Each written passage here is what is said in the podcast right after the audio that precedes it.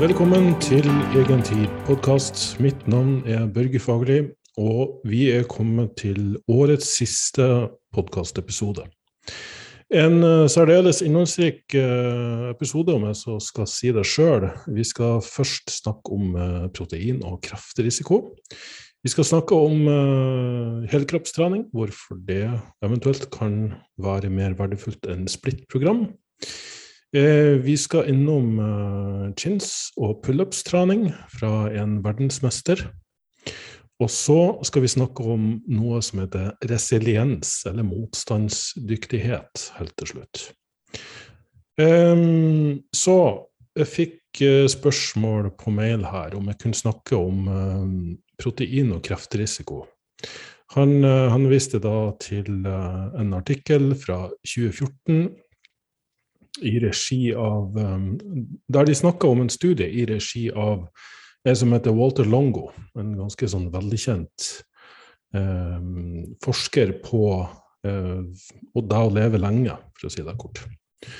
Uh, og i denne studien så viste det seg da at de som spiste mye protein, i dette tilfellet 20% eller mer av kaloriene fra protein, det høres jo faktisk ikke veldig mye ut, de hadde mye høyere risiko for å dø av kraft når du var 50 og opp til eh, 65, var det? Ja, noe sånt. Eh, interessant nok så var, var, det faktisk lavere risiko for å dø når du var over 65 og spiste høyt protein. For da møter du litt på det med å tap av muskelmasse og at det er negative effekter. Du får en såkalt anabol resistens så eldre mennesker har eh, mer godt av høyere proteininntak enn da folk som er fra 50 til 65. Eh, nå er dette en uh, relativt sett gammel studie, um, så det første jeg vil si, er at det jo kommet flere nyere studier eh, der de deler opp proteinet i ulike kilder. Eh, du har jo i all hovedsak kjøtt, melk, og meieriprodukter. Og så har du jo fra planter og plantekost, sånn som bønner, linse, kikkerter og sånne ting. Eh, og senere studier har f.eks. vist at meieriprodukter har eh, en veldig usikker eh, sammenheng med kreftrisiko. Eh, den er såpass variabel at de ikke kan si noe konklusivt. Eh, det de har sett, er at meieriprodukter faktisk kan redusere risikoen for enkelte krefttyper, sånn som eh, tykktarmskreft. Uten at de igjen kan si noe helt konkret. Og Det samme gjelder jo når du da deler opp i ulike typer kjøtt. Er det ferskt, rødt kjøtt fra den lokale bonden, eller er det det skinkepålegget du kjøper i, i dagligvaredisken? Og så er det prosessert kjøtt, eller er det fersk rødt kjøtt? Og er det hvitt kjøtt, altså fra fjærkre? Er det fisk, som jo ser ut til å ha en redusert risiko for sykdom? Um, og er det fra plantekilder? Når det kommer til prosessert kjøtt, så viser det en ganske tydelig årsakssammenheng med ulike former for sykdom. Ehm, det kommer av innholdet av konserveringsmidler som f.eks. nitritt, eh, og det høye saltinntaket. Eh, faktisk kan svært mange sykdommer eh, linkes til at du spiser altfor mye salt i forhold til kalium.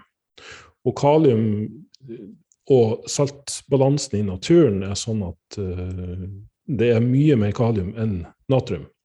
Og dermed så, så har det en, eh, en ja, kan man faktisk si helsefremmende effekt. Og svært mye mat som inneholder mye kalium, eh, er også linka til bedre helse. Så eh, vi må rett og slett huske på at um, kosthold er utrolig komplekst. Og et av de største problemene med, med, forskning på kosthold er at det er så å si umulig å gjøre såkalte randomiserte, kontrollerte studier der én gruppe spiser på én måte og en annen gruppe spiser på en annen måte, og så følger de de over ett år eller mer, og der de kan kontrollere for alle variabler, sånn som livsstil, røyking, alkohol, eh, om hvorvidt de er overvektige, eh, og rett og slett det som heter healthy user bias, altså at er du en sunn og frisk og aktiv person, så vil du ta bedre valg for deg sjøl, både når det gjelder kalorier og matkvalitet. Eh, og du vil røyke mindre og drikke mindre. Mens det motsatte gjelder for de som ja, gir litt mer blaffen i helsa. Jeg skal ikke si at de gir blaffen i helsa, men den kortvarige belønningseffekten av uh, røyking og drikking og god mat, prosessert uh, mat, uh, overgår den langsiktige konsekvenstankegangen. Så da må vi basere oss på såkalte prospektive kohortstudier, eller epidemiologi, ehm, der man følger folk over mange, mange år, ofte titalls år. Eh, sender de spørreskjema der de må rapportere sjøl hva de spiser og hvor mye. Eh, bare der får du mange usikkerhetsfaktorer. Og så skal du bruke statistikk og modellering for å klare å erte ut eh, risikofaktorene. Hva skjer med de som utvikler kreft? Eh, hva skjer med de som utvikler hjerte-karsykdom og sykdomsrisiko generelt? Er det linker til hva de spiser? Klarer vi å kontrollere for røyking og drikking? Aktivitet? Og da er det straks litt vanskeligere. Um, F.eks. ser vi nå på rødt kjøtt. Jeg har spilt inn da, i tidligere episoder at uh, f.eks. Um, Hongkong, som har en av de lengste levealdrene i gjennomsnitt av noe land i verden, har det høyeste kjøttinntaket av kjøtt. Men igjen er andre faktorer som balanserer deg ut. Så, så selv om man i enkelte populasjoner kan linke rødt kjøtt til økt sykdom, sykdomsrisiko. Så er det f.eks. sånn at um, det kan øke risikoen for kreft, men det kan redusere risikoen for hjerte-karsykdom, gitt at du ikke samtidig spiser veldig mye kalorier og veldig mye fett. Uh, så, så, som sagt, det blir veldig komplekst. Um, interessant nok, da, så har jeg sett en annen studie uh, som er så ny som i 2020, der de uh, delte folk opp ut ifra om de spiste lite, medium eller høyt inntak av kjøtt og prosessert kjøtt.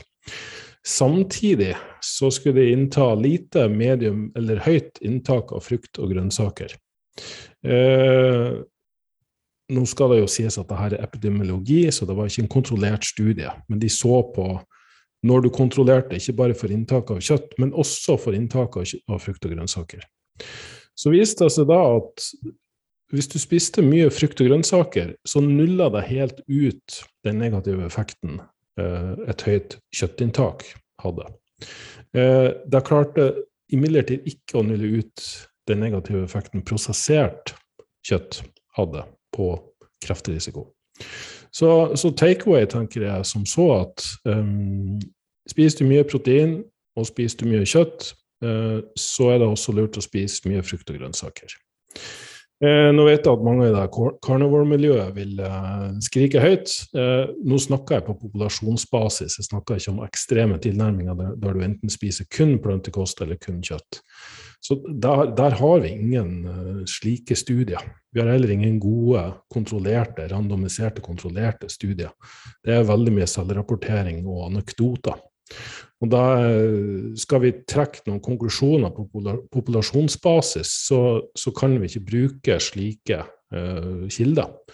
På individbasis så kan vi imidlertid se at både folk som spiser ja, vegansk, vegetariansk opplever helsefordeler. Men da, folk som spiser kun kjøtt og kutter ut uh, alt av plantekost, opplever helsefordeler, men det er også. Men da er det andre faktorer som spiller inn, f.eks. om de går ned i vekt eller ikke. Det å gå ned i vekt uh, overgår mye av um, de negative og eller positive effektene av matvalg hvis du er overvektig, for da har du inflammasjon i kroppen. Eh, og så må vi også poengtere at et høyt proteininntak øker ulike vekstfaktorer i kroppen, sånn som IGF-1. Eh, og det kan påvirke myostatin, det kan påvirke mTOR, altså eh, triggere for økt proteinomsetning og celleomsetning i kroppen. Og hvis du er relativt stillesittende eller inaktiv, og da protein eller de vekstfaktorene ikke får uh, bli brukt til noe, så kan kroppen finne på å bruke det til uh, kreftprosesser.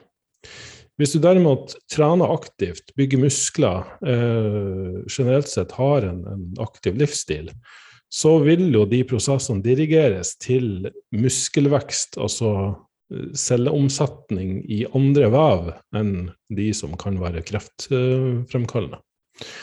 Eh, men hvis du først har fått kreft, så kan vi absolutt argumentere for at da å redusere proteininntaket vil være en førsteintervensjon, fordi vi vet at det er enkelte krefttyper som næres av aminosyrer.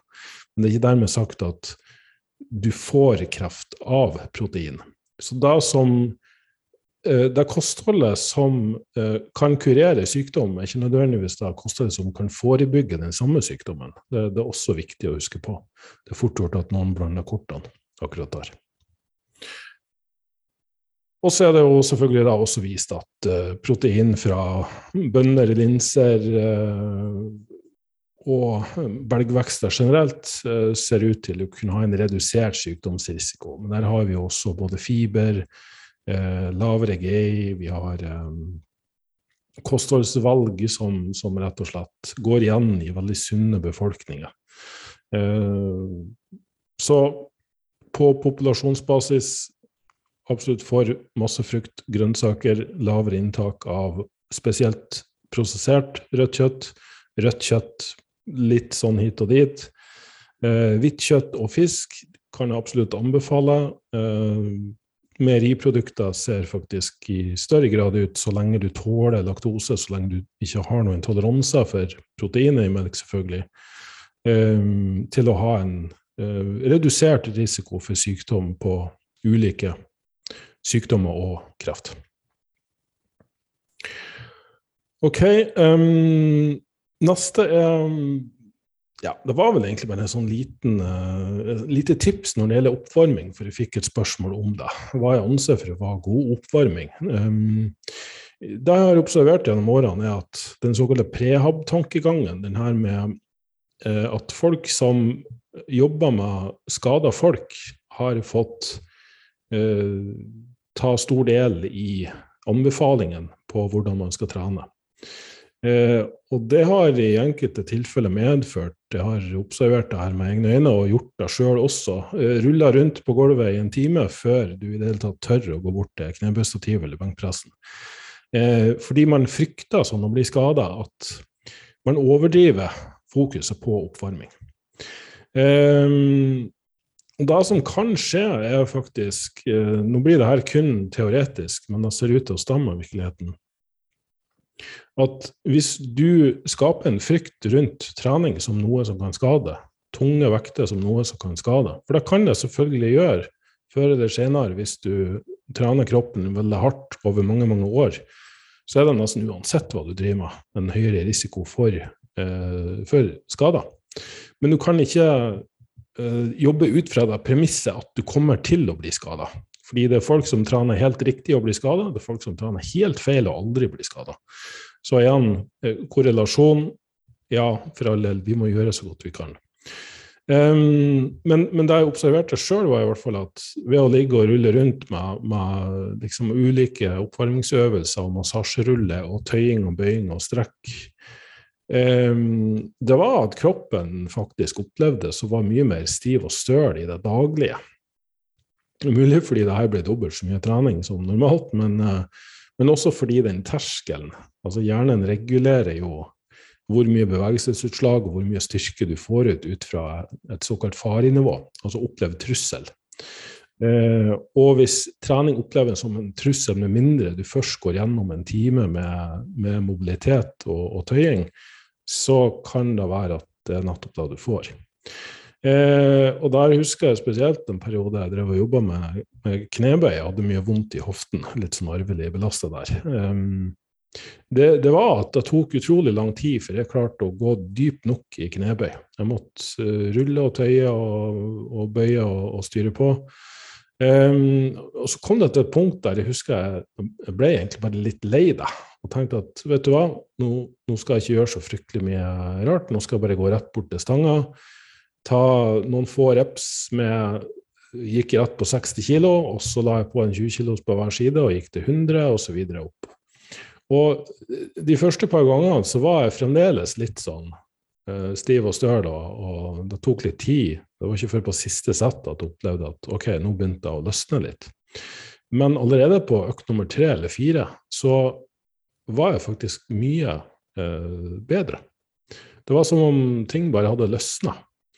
Og igjen, det kan være fordi jeg hadde overdrevet oppvarminga tidligere. Men her er også enkelte studier og um, caser som, som, illustrerer at da, i hvert fall når det gjelder styrketrening, så er det å ha fullt leddutslag, progressiv, gradvis progressiv oppvarming, sannsynligvis av større verdi for bevegelighet. At du blir god på det du trener på.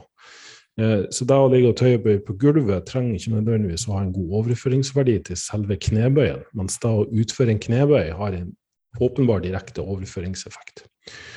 Men er det enkelte områder som må jobbes ekstra med eh, før du kan jobbe med knebøyen, så er selvfølgelig det. Altså har du arva, har du tidligere skader, har du et område som er spesielt ømt, så ja, for all del. Um, men min sånn typisk oppvarmingssekvens det er sånn to-tre minutter på en ellipsemaskin, romaskin, sykkel, um, tredemølla til meg, eller bare da å gå, gå til gymmet. Og så går jeg rett på oppvarmingssettene. Og avhengig av hvilken belastning jeg skal bruke, uh, så kan jeg ta ett, to eller tre oppvarmingssett før jeg begynner på hovedsettet. Uh, og det kan gå som her. Uh, 50% av dagens planlagte arbeidsvekt, fem repetisjoner. Ikke ti, ikke 20.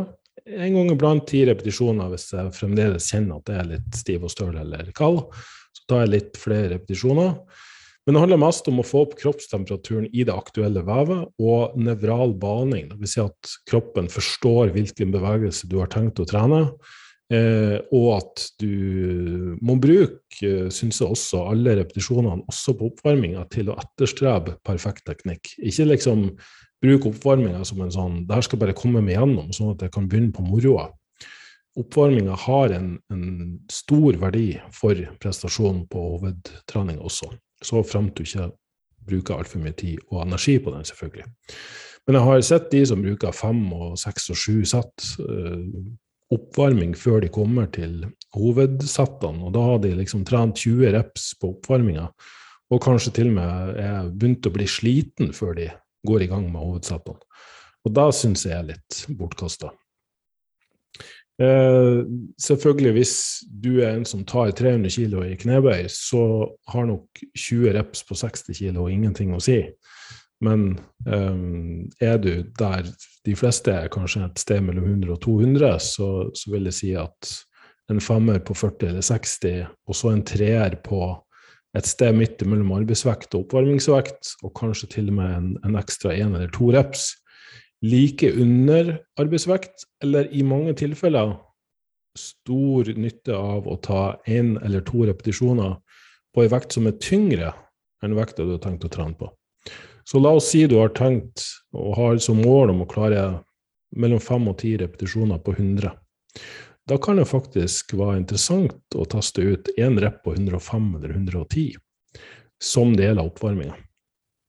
Eh, for da har en sånn effekt på nervesystemet at da forbereder seg på å løfte ei enda tyngre vekt. Faktisk ser vi at eh, to til tre til fire minutter etter at du har tatt ei sånn relativt sett tyngre vekt, så er du noen få prosent sterkere.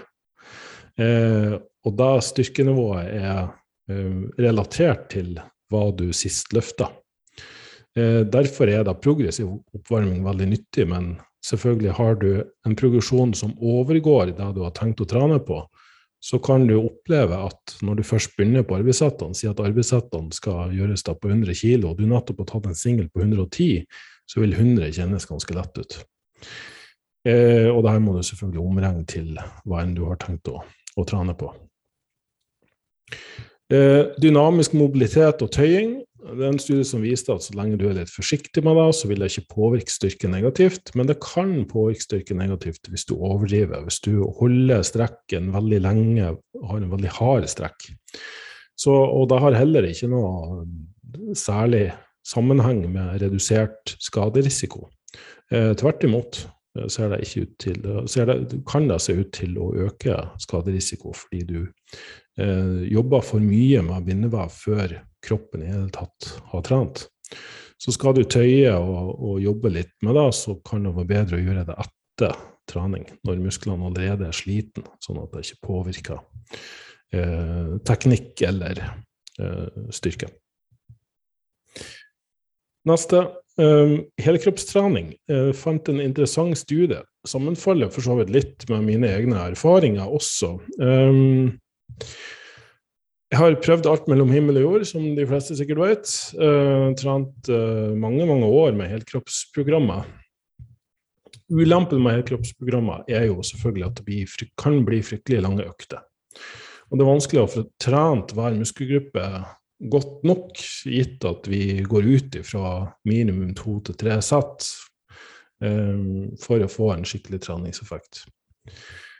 Så hvis du da skal trene én til to øvelser per muskelgruppe for hele kroppen, og du er litt uh, eh, OCD på det her, som jeg også kan være innimellom, så er du fort på gymmet en og en halv til to timer. Du blir rett og slett ikke ferdig. Du kan spare litt tid ved å trene motstående muskelgrupper parvis, dvs. Si benkpress og roing, nedtrekk og skulderpress, eller du kan trene en overkroppsøvelse og en beinøvelse parvis. Um, men denne studien, i hvert fall, det de så på Jeg skal poste studiereferansen i, i teksten til podkasten for de som vil sjekke den ut. Uh, alle gruppene trente tre økter per uke. ene gruppa trente helkropp. Den andre delte opp i overkropp og bein, dvs. Si de veksla mellom overkroppsøkt og beinøkt. De hadde likt ukentlig volum, så, så, de eh, forsøkte så langt som mulig å eh, gjøre begge gruppene identiske i form av hvor mye belastning de ble utsatt for. I akkurat denne studien så eh, Først så de på muskelmasse. De som eh, delte opp i en såkalt splittprogram, overkropp-bein. De økte muskelmassen i overkroppen med 0,76 kg. Eh, I bein med 0,90 kilo, altså 0,9 kilo. Nesten en kilo muskelmasse. Mens de som eh, ja, Beklager, nå leste jeg litt feil. De um, økte muskelmassen totalt sett i hele kroppen med 0,76 og 0,9. Det var litt vanskelig å forstå ut fra hvordan dette var lista opp. Men uansett, da, de som trente helkropp, de økte muskelmassen med 1,38, altså opptil 50 eh, bedre muskelvekst. I denne studien hadde de sett på to markører. Det ene heter folistatin. Folistatin hemmer myostatin, så de to henger sammen. Myostatin er en regulator av muskelvekst. Er det noen som husker de her belgisk blå-bildene fra noen år tilbake. Eh, der hadde de gått inn med genetiske vektorer og rett og slett eh, eliminert myostatin hos storfe.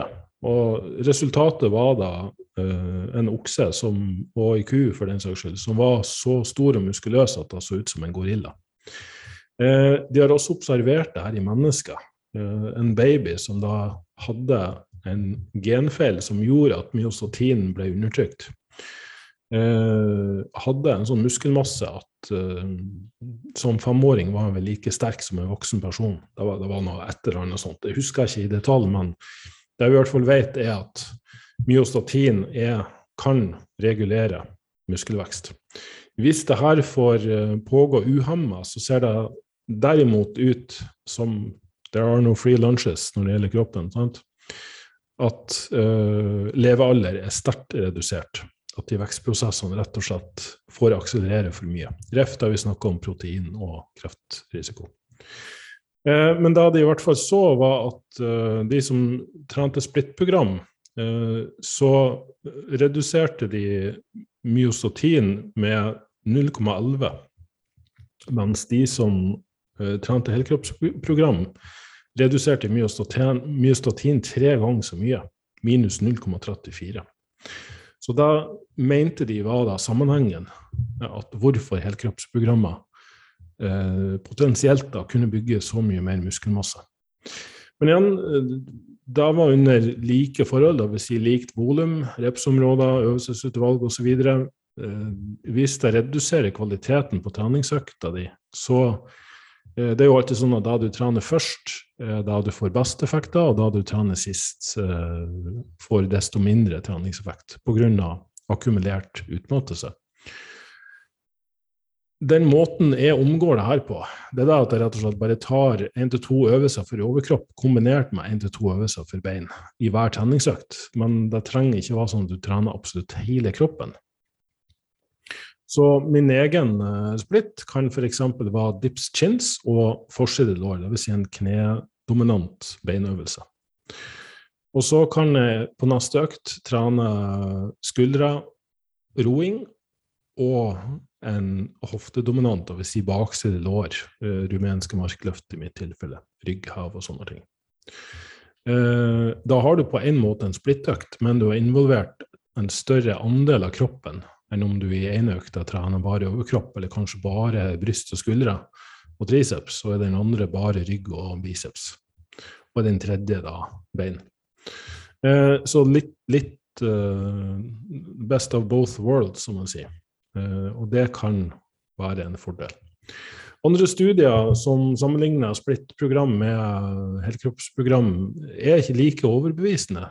Så det er derfor at man alltid må prøve å se totalbildet når det gjelder forskning. Da tenkte jeg å snakke om en som heter Matthew Slat. Eh, det er en russisk street workout, eller calisthenics champion. Vil si han trener i bunn og grunn ikke spesielt for verken kroppsbygging eller vektløfting eller styrkeløft. Han trener for å bli god i uh, rett og slett dips og pullups. Han har vel per i dag en verdensrekord, om ikke tar helt feil, men de beste løftene henta fra Instagram-sida hans er 32,5 kilo i enarms hangups. Dvs. Si kroppsvekt pluss 32,5 kilo, én rep på én arm. Eh, denne gutten veier 100 kilo og er 1,82 høy.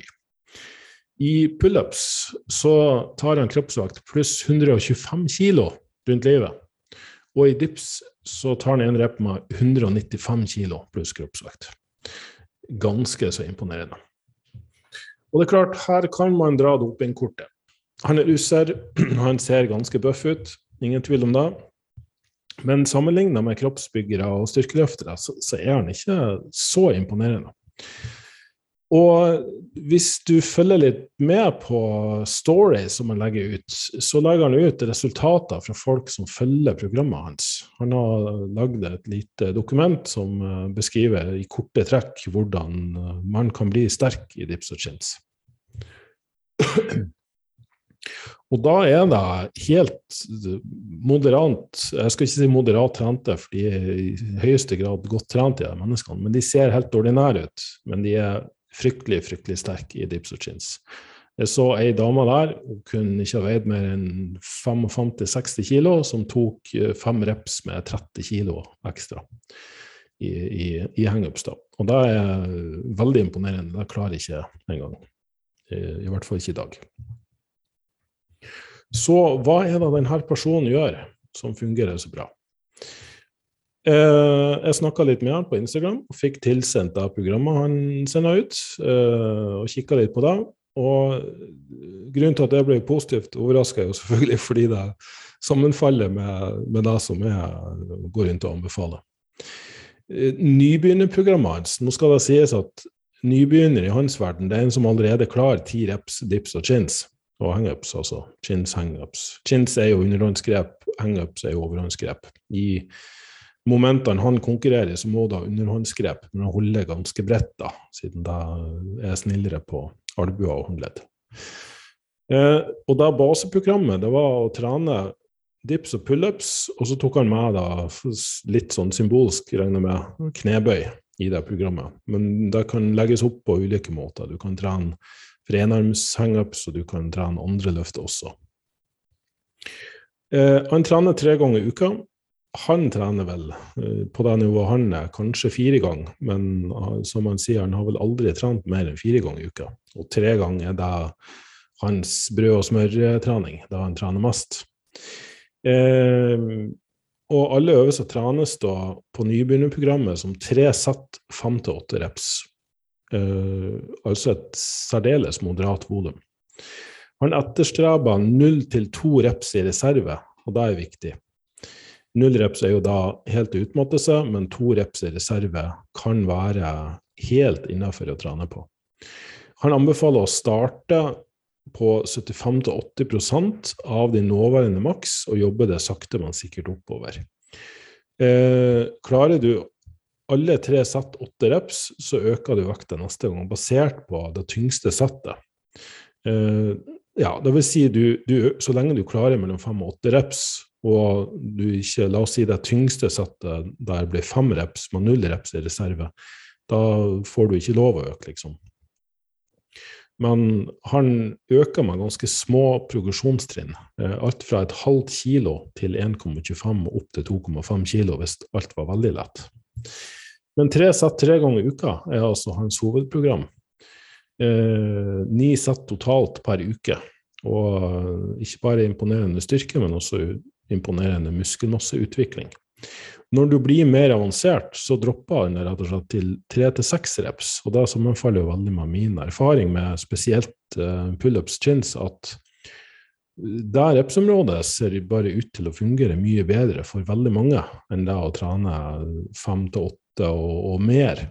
Og da å bli repsterk i chins har du nok større suksess med å trene lave reps for belastningsproduksjon. Så rett og slett et vil si ganske lavt volum totalt sett, i hvert fall sammenlignet med andre, kombinert med lavere reps, og det er jo selvfølgelig for å bli sterk. Um, relativt sett høyere frekvens. Interessant nok så er det en lavere frekvens jo mer avansert og jo sterkere du blir. Um, når jeg sier lavere frekvens, så vil jeg si på de settene du tar det helt ut på. For progresjonen når du blir mer avansert, det er da at du deler opp hvor hardt du trener i hver økt. Så f.eks. kan en som er viderekommen, eh, og da snakker vi en som tar 10-20-30-40 kanskje kilo ekstra i beltet på dips og chins, eh, da kan mandagsøkta være tre sett tre reps. Onsdagsøkta kan være tre sett fem repetisjoner med stopp Dvs. Si at du bruker en mye lettere vekt, og så holder du bunnposisjonen, eh, eller topposisjonene på chin hangups. Eh, og så er fredagsøkta tre sett tre til seks reps, der du liksom følger den, den progresjonen. Det kan også byttes ut med, sånn som for de som kjenner til fem ganger fem-programmet, Texas-metoden, der fredagsøkta er en makseøkt. Og da kan fredagsøkta være at du jobber deg opp til den tyngste tre, fire, fem eller seks rapperen du klarer. Eh, og enda mer avansert så kan det være at man trener mandag og tirsdag i stedet for mandag, onsdag og fredag. Så trener du mandag, tirsdag og fredag, samme oppsatt. Mens uka etterpå så har du en såkalt deload, eller avlastningsuke, med mindre trening. Bare to økter og mye lettere. Uh, og den teorien kan jeg støtte. Det vil si når du blir så sterk at du kan belaste kroppen mye tyngre, så krever det også lengre restitusjonstid. Men han, um, i stedet for å trene mye, mange flere sett på samme dag, så fordeler han over to, to dager. At han rett og slett samler opp belastninga, og så tar han lengre hvilepause før han trener igjen. Så jeg kan, uh, kan forstå hvorfor det, Altså, jeg forstår uh, metoden, for å si det på den måten. Eh, og det skal også sies at fra en sånn treningsloggeren viste meg, så kan alle tre øktene være med én til to reps i reserve på hvert sett. Det er liksom ikke spesielt mye tyning. Og hvis at det er tyning, det vil si at han måtte streve for å klare siste reppen, at det ble en null reps i reserveøkt, så kan han ikke øke vekta neste gang på den, den treninga. Så, så da må være med én til to reps i reserve, eller at du treffer øvre del av repsområdet før at du liksom får øke noe særlig neste gang. Så, så rett og slett litt sånn mot det her eh, premisset om at man skal øke så hurtig og, og tyne seg så mye for å, for å, bli stor og sterk. Og som sagt, jeg hadde ikke kommet til å delta her hvis det kun hadde vært hans eget program. Men i og med at han har hatt mange, mange hundre street workout-utøvere, og selvfølgelig også folk interessert i styrketrening, som har fått samme resultater, så syns jeg det var fornuftig å dele, fordi det er veldig likt måten å også trene på. Eh, jeg har imidlertid en litt lavere frekvens pga. mitt eget bindevev og alder. Jeg begynner å nærme 50 tross alt. Eh, men, men volummessig så ligger jeg på rundt to til tre sett, jeg også. Eh, så selvfølgelig, bias og alt det der. Alltid hyggelig å se at noen har lik tankegang og har så mye suksess. Da skal vi snakke om uh, resiliens. Jeg syns det er et, et, veldig fint tema å ta opp. Uh, fordi vi lever liksom nå i et samfunn der det er mye da har vi faktisk fått ordet katastrofisering. Eh, det å ta noe veldig lite og gjøre det til noe som er så stort at hele verden må få høre om det.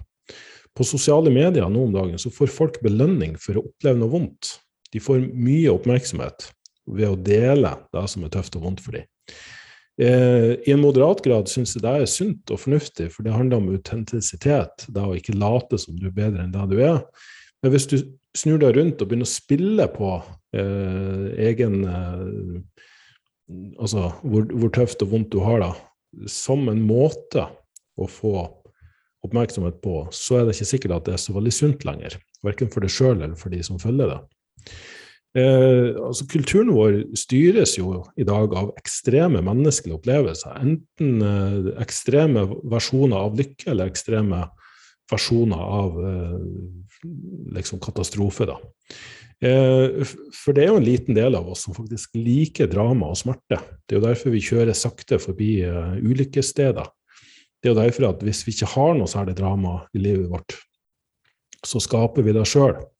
Vi skaper diskusjoner av ingenting. Så eh, resiliens bygges av å skape en positiv adopsjon eller tilpasning av negative hendelser. Eh, ta f.eks. sinne eller depresjon. Hvis, hvis, du blir sittende fast i de følelsene, så kan de bryte ned. Men hvis du bruker dem som inspirasjon til å gjøre noe med situasjonen, så bygger du resiliens. Eh, når vi er engstelige, så blir vi opphengt i å forhindre smerte i framtiden, men i stedet så burde vi eh, bruke den engstelsen til å forberede oss på å bli bedre til å håndtere smerte i framtiden. Legenden skal jo ha det til at uh, Thomas Edison han uh, prøvde tusen ganger å finne opp glødepærer, lyspærer, og han ga seg liksom ikke. Uh, før han til slutt lykkes. Jeg har jo snakka litt om det i tidligere podkaster. Um, hvorvidt det stemmer, skal jeg ikke si, men det, det er i hvert fall uh, legenden da, om Thomas Edison. Uh, og jeg har sett litt på det her både fra erfaringer jeg har. Jeg jobber jo mye med resiliens uh, hos kundene mine. Um, og da å være fleksibel og motstandsdyktig mot det som livet, at livet skjer, er en såpass sentral del av enhver coaching at jeg syns det var veldig fint å kunne dele det, også nå når vi går inn i en eh, periode der vi faktisk får litt eh, ja, pause fra verden der ute. Der vi skal være mer for oss sjøl og sammen med de vi er glad i. Vi står jo midt oppi en pandemi med restriksjoner og mye hysteri rundt omkring. Eh, hvorvidt det er berettiget eller ikke, skal jeg ikke snakke om her. Det kan andre gjøre andre steder og skape diskusjon rundt det. Men i hvert fall hvis vi ser på, på forskning eh, Det er en ledende psykolog, Susan Kobasa, som eh, sier at det er tre elementer som er avgjørende for motstandskraft eller resiliens resiliente mennesker ser på enhver eh, vanskelighet eller problem som en utfordring, og ikke som en lammende hendelse. De ser på sine feil, og feil generelt, som lærdom, altså noe du kan lære av, som muligheter for vekst. De gjør deg ikke til en sånn eh, negativ eh, refleksjon over deres evne eller egenverdi. Det vil si at de, de skiller sak og person. Engasjement Residente mennesker er forplikta. De, de, har forpliktelser til livet sitt og til målene sine, til verdiene sine. De, de har en god grunn til å stå opp om morgenen. Så uh, og engasjementet er ikke bare begrensa til jobben deres. Eh, den samme forpliktelsen går igjen i relasjonene, vennskapene, eh, saker de bryr seg om, og, og til og med religion og, og åndelig tro. Resiliente mennesker bruker tid og energi på å fokusere på situasjoner og hendelser som de har kontroll over. Eh, og så legger de innsatsen der de, der de, kan ha størst effekt. Og dermed så kommer du styrka og mer selvsikra ut av situasjonen. Eh, mens de som bruker masse tid på å bekymre seg for ukontrollerbare hendelser, de kan ofte føle seg fortapt, hjelpeløs og maktesløs. Og så har vi en annen psykolog, eh, jeg har skrevet om han før, Martin Seligman. Eh, han var jo en som gjorde litt forsøk rundt tillært hjelpeløshet. Blant annet så hadde han hunder som han ga elektriske støt. Jepp, han var en skikkelig drittsekk. Eh, for å se om de vil hoppe over på trygg grunn. Han satte rett og slett opp et gjerde der på andre sida så kunne de komme seg over til et uh, gulv som ikke hadde strøm i seg. Så han hadde strøm i gulvet, da, men hadde ikke elektroder på det. Og da viste det seg da at de som hadde blitt utsatt for mye elektriske støt tidligere, de hadde større tendens til å bare legge seg ned på det gulvet der de fikk elektriske støt, og bli liggende. Sjøl om veien over gjerdet altså gjerdet var veldig lavt, og det var fullt mulig å hoppe over. Eh, rett og slett tillært hjelpeløshet. De hadde lært at ingenting nytter. Jeg får støt allikevel. Jeg blir straffa av livet allikevel. Så um, han snakka mye om optimisme og pessimisme heller enn resiliens og motstandskraft. Men, men i hovedsak så, så, går det litt på det samme, fordi det er en sånn overordna forklaringsstil. Uh, og, og, de største her er jo permanens, altså folk som er optimistiske og derfor har mer resiliens. Eh, de innser at dårlige opplevelser og hendelser, som en pandemi, som at du mister jobben, som at Eh, forholdet ryker, eller at du pådrar deg en skade, eh, som midlertidig snarere enn permanent. De, de, klarer å forstå at på lengre sikt så vil det her gå bra. De, de klarer å minne seg sjøl på det. Eh, og så klarer de også å la være å eh, generalisere enkelthendelser til enten hele tidslinja eller til hele livet. Så eksempel kan du da si at eh, jeg klarte ikke det her løftet, eh, så da må jeg jobbe mer med det, eller finne svake punkter, eh, i stedet for at jeg er en svak person. Eller at uh, sjefen kritiserte da, prosjektet eller den, den oppgaven jeg gjorde, uh, heller enn at sjefen liker aldri det jeg gjør. Jeg kan like gjerne slutte jobben. Uh, så, så, rett og slett la være å generalisere, og heller være mer spesifikk og tidsbegrensa og, og innse at på lengre sikt så, så vil det gå bra. Uh, ja, og så, noe så enkelt som at akkurat det her er jeg ikke spesielt god på, i stedet for at jeg er ikke god til noen ting. Så er det med personalisering. Uh, folk som er resiliens, de uh, som er resilient, de klandrer ikke seg sjøl når dårlige ting inntreffer. Eh, det er litt klassisk. Jeg kan finne på å gå i den fella sjøl at åh, det er så typisk meg. Hvorfor skal dette alltid skje med meg? Uh, en ulykke kommer sjelden alene. Når først et eller annet har gått på tverke, så er det mange ting på rad som går på tverke. Det kan absolutt virke sånn. Innimellom så uh, er det vanskelig å, å, forstå at statistikken tilsier at det her skjer med alle mennesker hele tida. Men du har en tendens til å fokusere på det som går galt, i stedet for det som går bra, hvis du først er kommet inn i den modusen, da.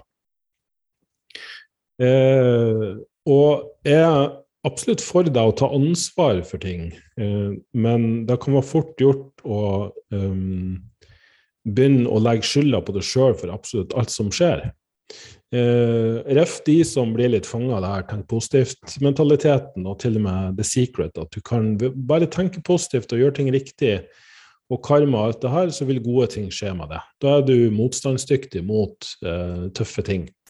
Uh, og da vil du få hell og lykke og alt det der. Jeg, jeg, tror ikke det er sunt å gå rundt og tro på det her. For da begynner du å tenke at OK, da, var, da kom en pandemi, eller eh, det skjedde en flyulykke eller en trafikkulykke. At det alltid er din feil. Du tenkte ikke positivt nok, eller du hadde gjort et eller annet feil. Da, da blir du fort overtroisk. Eh, så for eksempel så, så kan du da, når det gjelder der oppgaven på jobb, da. Ja, jeg fikk faktisk ikke den støtten jeg trengte, jeg fikk ikke den informasjonen jeg trengte. Det var tekniske problemer. Det var, det var ulike ting som skjedde uh, som gjorde at jeg ikke klarte å fullføre innen tidsfrist, eller at uh, resultatet ble dårligere. I stedet for å si at prosjektet eller resultatet ble dårlig fordi jeg kan ikke jobben min. Uh, for da er du litt i en sånn offermentalitet også. At uh, du, du, på mange måter mobber det sjøl, da. Så resiliente mennesker de har et positivt fremtidsbilde. Vil si at sjøl om de står i tøffe ting nå, så, så, vet de at det blir bedre. Eh, og man har solide mål og et ønske om å nå de målene. Jeg, jeg vil si at målet er fint å styre etter, men jeg vil nesten si at jeg også var god på å ha en god prosess Veksttankesett er, er, veldig viktig for å være resilient. Eh, Sjøl om du står i tøffe ting nå, så anser du deg som læring. sant? Eh, resiliente mennesker er empatiske og medfølende, men de kaster ikke bort tida på å bekymre seg over hva andre måtte synes om en om de hele tida. Så, så, det å ha sunne forhold, um, gode folk rundt seg, men allikevel ikke bøye det for gruppepress, er en god egenskap å ha hvis du skal være resilient. Eh, og unngå den offermentaliteten. Så fokuser tid og energi på å endre de tingene du har kontroll over, og da du ikke har kontroll over, må du bare eh, ja, si til deg sjøl at hvis det verste som kan skje, skjer, så, så skal jeg klare det. Så, så, hvordan vi ser på motgang og stress, påvirker i stor grad hvordan vi lykkes. Og dette er en av de viktigste grunnene til at det er så viktig å ha et sånt tankesett. For uh, faktum er jo det at uh, vi kommer til å mislykkes fra tidalen. Det kommer til å skje uh, fæle ting i livet ditt. Det er helt uunngåelig at vi gir feil, og det er helt uunngåelig at vi går på trynet. Det er helt uunngåelig at det kommer et virus, og at viruset endrer seg. Uh, unnskyld at jeg hele tida må hente inn akkurat den der, men det er tross alt der vi står oppi mitt, uh, der vi står midt oppi nå. Så, så, jeg må nesten nevne det også. Uh, så, så, du blir faktisk ikke resilient av å føle det bra hele tida. Du blir resilient av å bli god på å ha det dårlig. og hvis du da har tenkt, for å unngå at det skal skje noe tøft i livet ditt, å lukke inne, så får du en ganske sånn ensformig, fargeløs tilværelse. Det å aldri prøve noe nytt eller å ta en risiko um, gjør rett og slett at vi blir drama queens. Vi må skape drama av absolutt ingenting. Så da er også min en gjennomgående observasjon at folk som er slike drama queens, drama kings, eh, de har ikke nok utfordringer, de har ikke nok smerte, de har ikke nok tøffe ting i livet sitt. Så da kan det være nyttig for de å rette fokuset sitt der. Så skal jeg gi ni tips for å bli mer resilient. Nummer én slapp av. Da bli bedre på å ta det med ro når du etter høystressepisoder, høystressperioder. Meditasjon, god nok søvn, uh, veldig undervurdert. Når du, det å faktisk tillate seg å kjede seg. Da, når, du, når, du, kommer hjem etter en slitsom dag, og så setter du ned og scroller på telefonen din, da slapper du ikke av. Eh, så, så da å bare være en gang iblant. Nummer to, bry deg om noe som er større enn deg sjøl. Gjør risikoen du tar, verdt noe. Om det er en veldedig sak, om det er å ha en visjon og misjon for deg sjøl og din selvutvikling, eller det er businessen din, det er å ha en dypere mening. Uh, og jeg vil advare også mot da å kanskje ha en så stor visjon og misjon for deg sjøl at alt handler om deg sjøl. For det er liksom det store paradokset med selvutvikling. Det å bruke fryktelig mye tid på selvinnsikt gjør at du får mindre selvinnsikt. Det er et uh, ganske interessant uh, paradoks, det der. Um, fordi du, som jeg også har snakka om tidligere, at selvtillit handler ikke om at du har bra tanker om deg sjøl hele tida. Det handler om at du har mindre tanker. Du har færre tanker, men at de tankene du har, kanskje kan være gode. Eh, retter du fokuset utover på verden der ute, og hvordan du kan utgjøre en forskjell. Eh, som sagt, noe større enn deg sjøl gjør at du blir mer resilient. Innover optimist og utover pessimist de, de, gamle stoikerne de hadde tanker rundt det å miste noe, eller at det verste som kan skje, faktisk skjer. Eh, gjorde at du kunne få, få det bedre med deg sjøl. Altså, du kan få mer takknemlighet, ikke ved å nødvendigvis reflektere over alt du er takknemlig over, men ved å reflektere over hvordan vil det føles hvis du mister det du har i livet ditt. Så hvis jeg tenker over at jeg uh, guttungen min, tro meg, da føler jeg meg takknemlig for han sjøl om han sitter og, og maser over å få se mer på YouTube.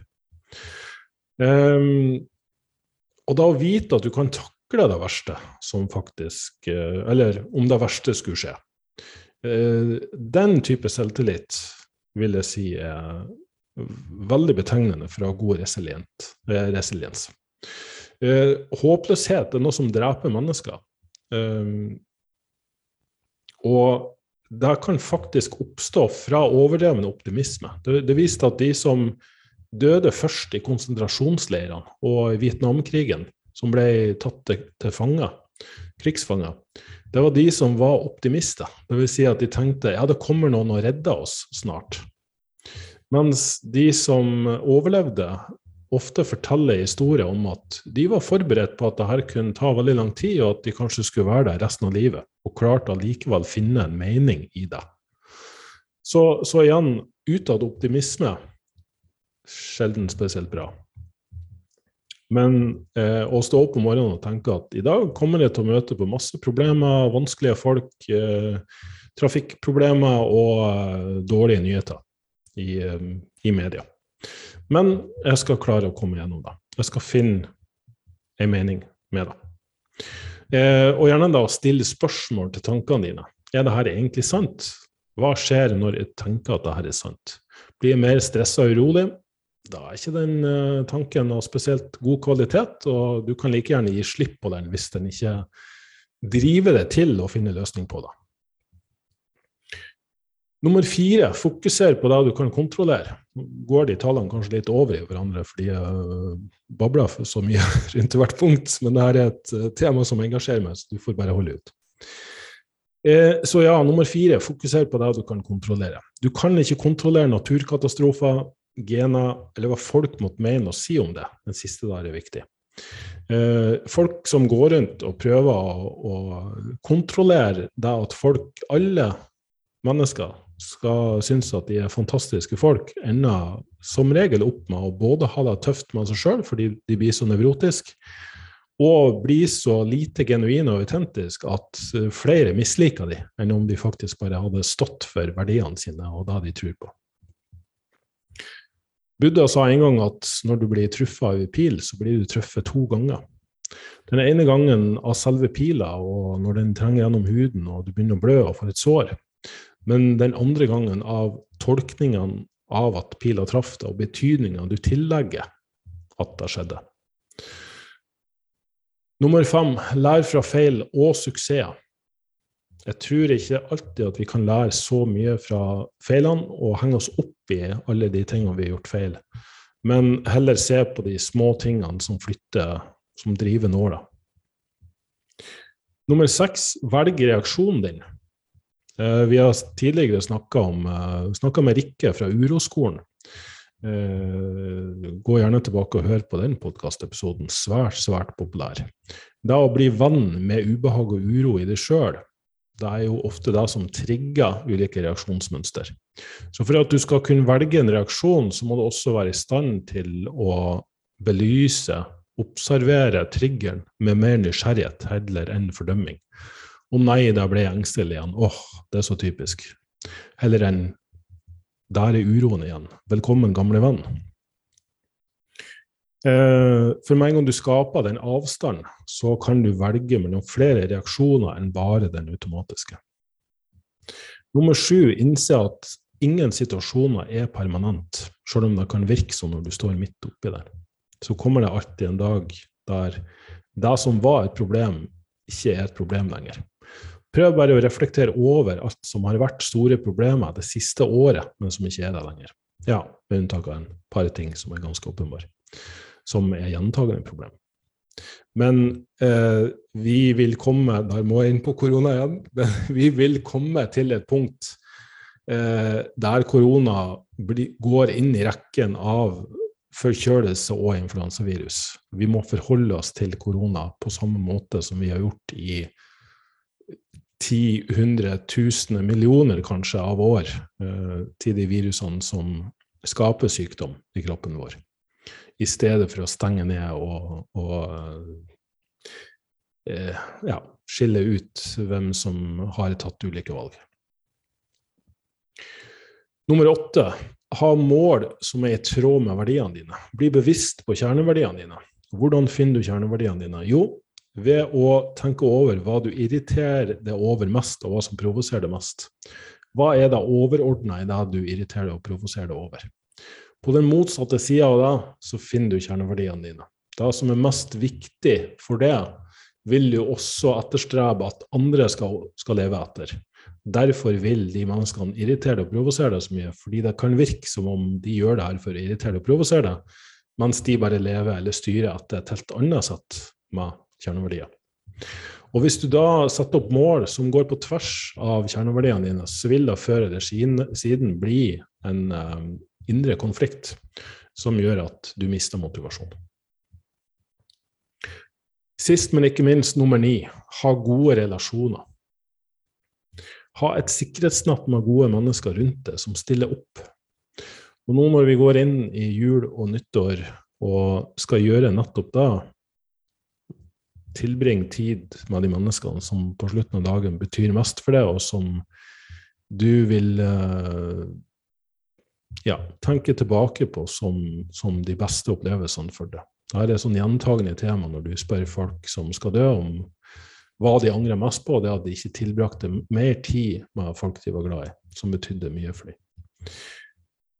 Del smerten din og være autentisk, men ikke dyrk den, vil jeg si når du har gode personer rundt deg som er villige til å lytte og kanskje gi enten velmente råd hvis du har spurt om det, eller rett og slett bare være der når du har det vondt.